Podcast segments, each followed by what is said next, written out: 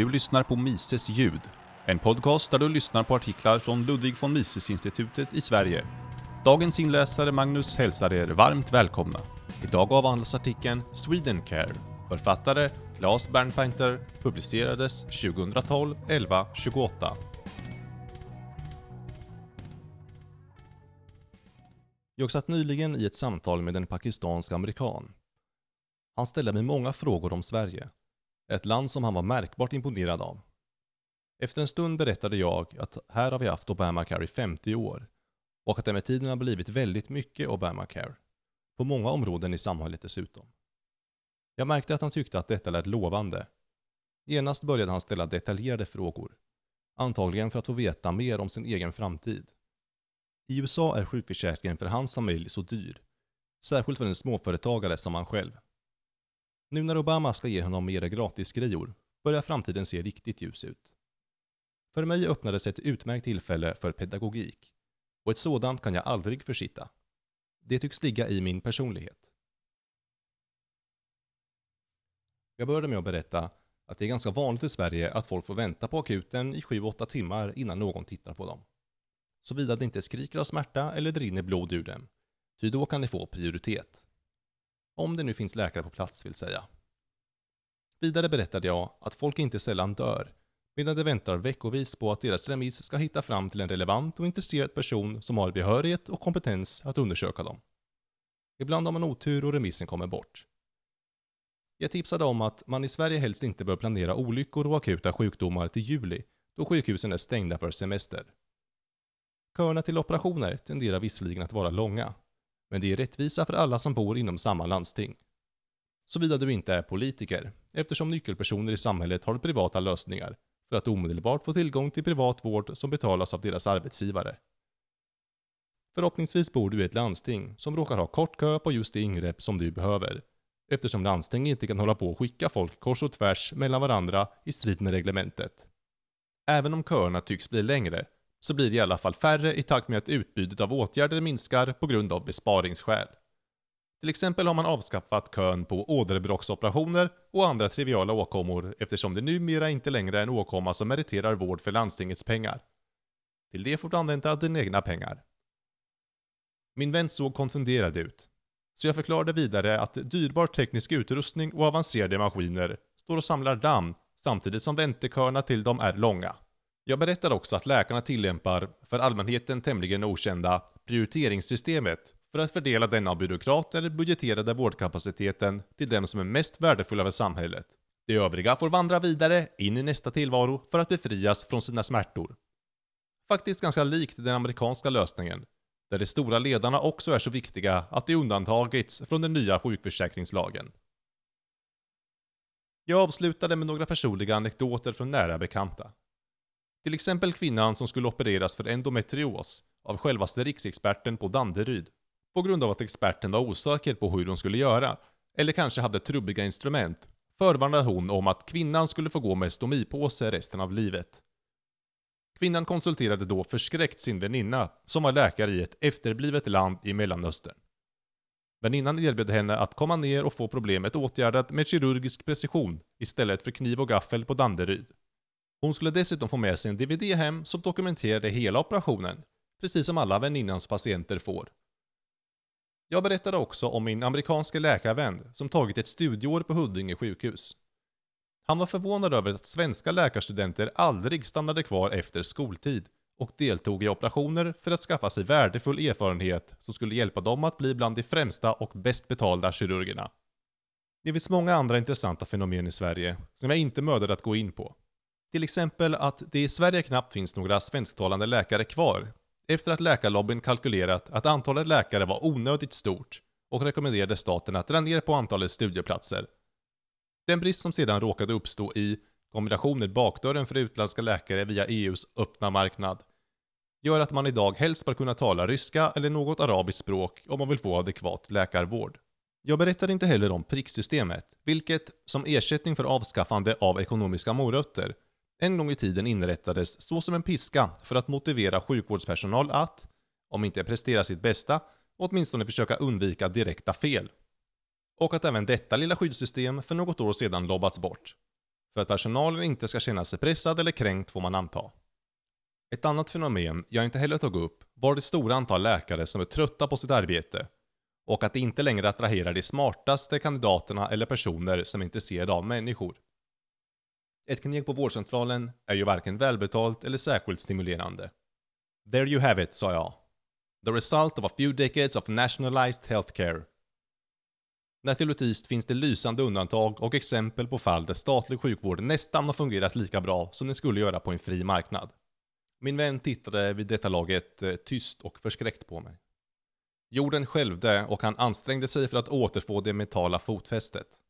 Till slut drog han en lättnad suck och sa att som tur är handlar Obamacare inte om att förstatliga sjukvården. Det handlar bara om att staten ska agera som en stor inköpare av sjukförsäkring åt folket.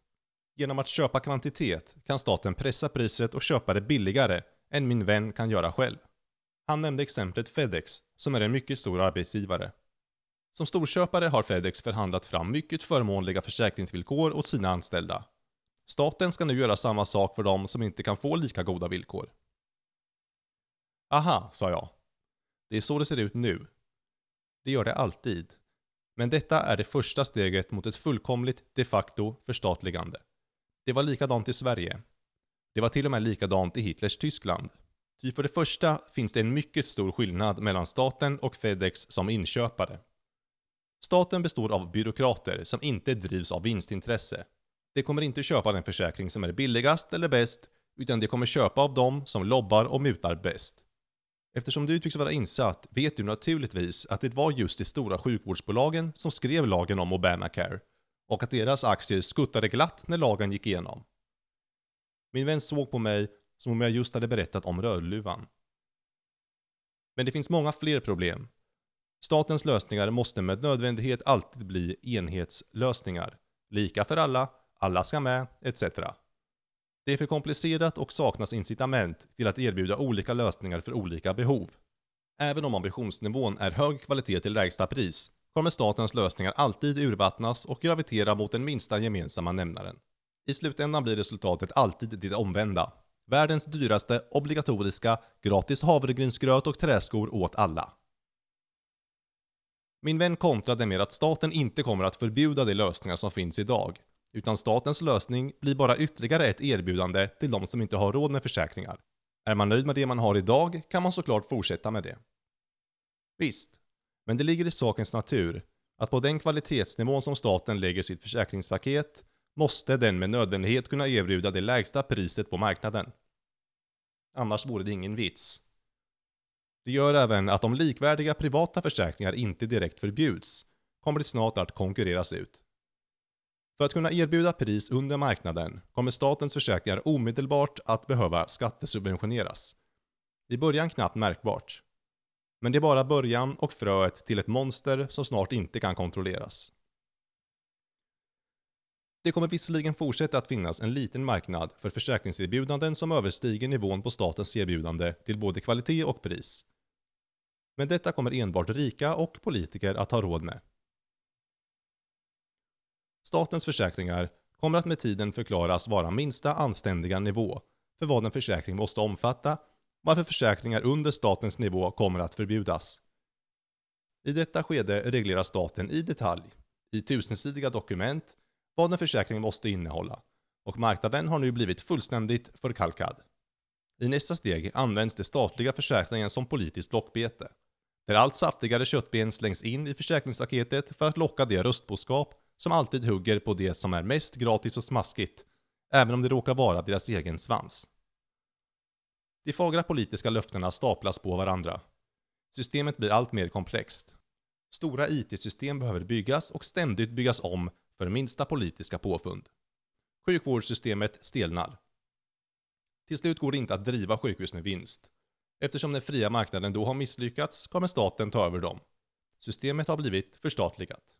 Tänk dig att en organisation som det amerikanska postverket kommer driva sjukvården i framtiden, så får du en bra mental bild av det hela. Kostnaderna ökar, stegrar och till slut skenar utom kontroll. Detta samtidigt som kvaliteten ständigt sjunker. Till slut har USA blivit Sverige, där vi betalar 69% i skatt för att alla ska få gratis havregrynsgröt och träskor. What? 69%? Jo visst. Allt det som Obama snart kommer ge dig gratis kommer du inom några år få betala via skattesedeln, med besked. Och det lustiga är att du kommer att få se hur folket kommer kräva att skatten ska höjas ytterligare för att rädda välfärden. När systemet går på knäna kommer politikerna i desperation kalla in den fria marknaden igen och lägga ut delar av verksamheten på entreprenad. Eftersom riktiga företag kommer att kunna uppfylla statens, vid det laget, mycket lågt ställda kvalitetskrav till en klart lägre kostnad kommer dessa göra vinster skyhögt över vad en fri marknad skulle tillåta. Det kommer att göra att folket i vrede skriker efter förbud mot vinster i välfärden och snart även i skolan, äldrevården och andra vitala delar av samhället. Men det finns mer. USA är ju speciellt på det sättet att sjukvård på något märkligt vis blivit företagarens skyldighet. Det var Roosevelts fel. Nu säger sjukförsäkringslagen att företag som har fler än 50 anställda som jobbar minst 30 timmar i veckan måste betala de anställdas sjukförsäkringar. Redan nu ser vi därför många företag som inte tänker växa och bli fler än 50 anställda. Och som omförhandlar sina anställdas villkor från heltid till deltid med 28 timmars arbetsvecka. Det är inte svårt att räkna ut vad detta gör med möjligheterna att få jobb i ett land som redan lider av svår arbetslöshet. Men vad ska man göra då? Idag är det alldeles för dyrt med sjukvård. Ja, alltså nu är det ju för sent. Men det ni skulle ha gjort vore att kräva att staten drog sig ur sjukvårdsbranschen helt. Ni skulle självklart inte begärt mer hjälp från den som redan saboterat sjukvården. Det är inte klyftigt att be om mer stryk från den som slår en. Det enda som fungerar är riktig konkurrens på en fri marknad. Det leder till ett varierat utbud med olika sjukvårdslösningar och bästa möjliga pris för varje typ av lösning. Det är precis som med bilar. Många olika tillverkare erbjuder massor av olika modeller för olika smaker och plånböcker. Vissa vill åka billigt, andra med stil. Hur tror du det skulle se ut om staten tog över bilindustrin för att garantera bra och billiga bilar till alla medborgare? Samma med sjukvård. Vissa vill betala för omfattande sjukvårdsförsäkringar och andra vill ha något enklare. På en fri marknad skulle du antagligen kunna försäkra din familj för en eller ett par hundra dollar i månaden. Hmm. Men vi har ju konkurrens mellan en handfull sjukvårdsbolag idag och det tycks inte fungera för det är för dyrt. Det ni har idag är sannoliken inte konkurrens på riktigt.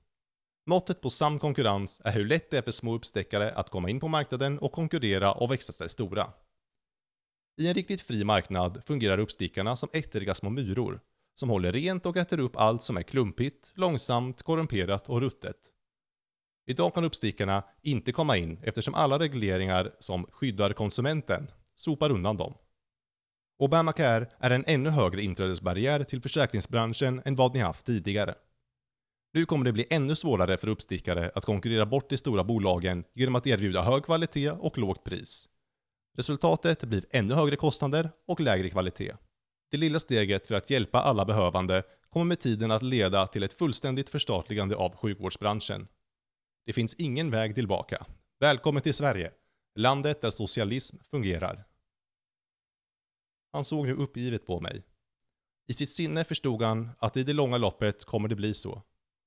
Men han hoppades och trodde ännu i sitt hjärta att staten skulle ge honom en bättre framtid. Och tänk så lätt det skulle vara att erbjuda billig och bra vård till alla.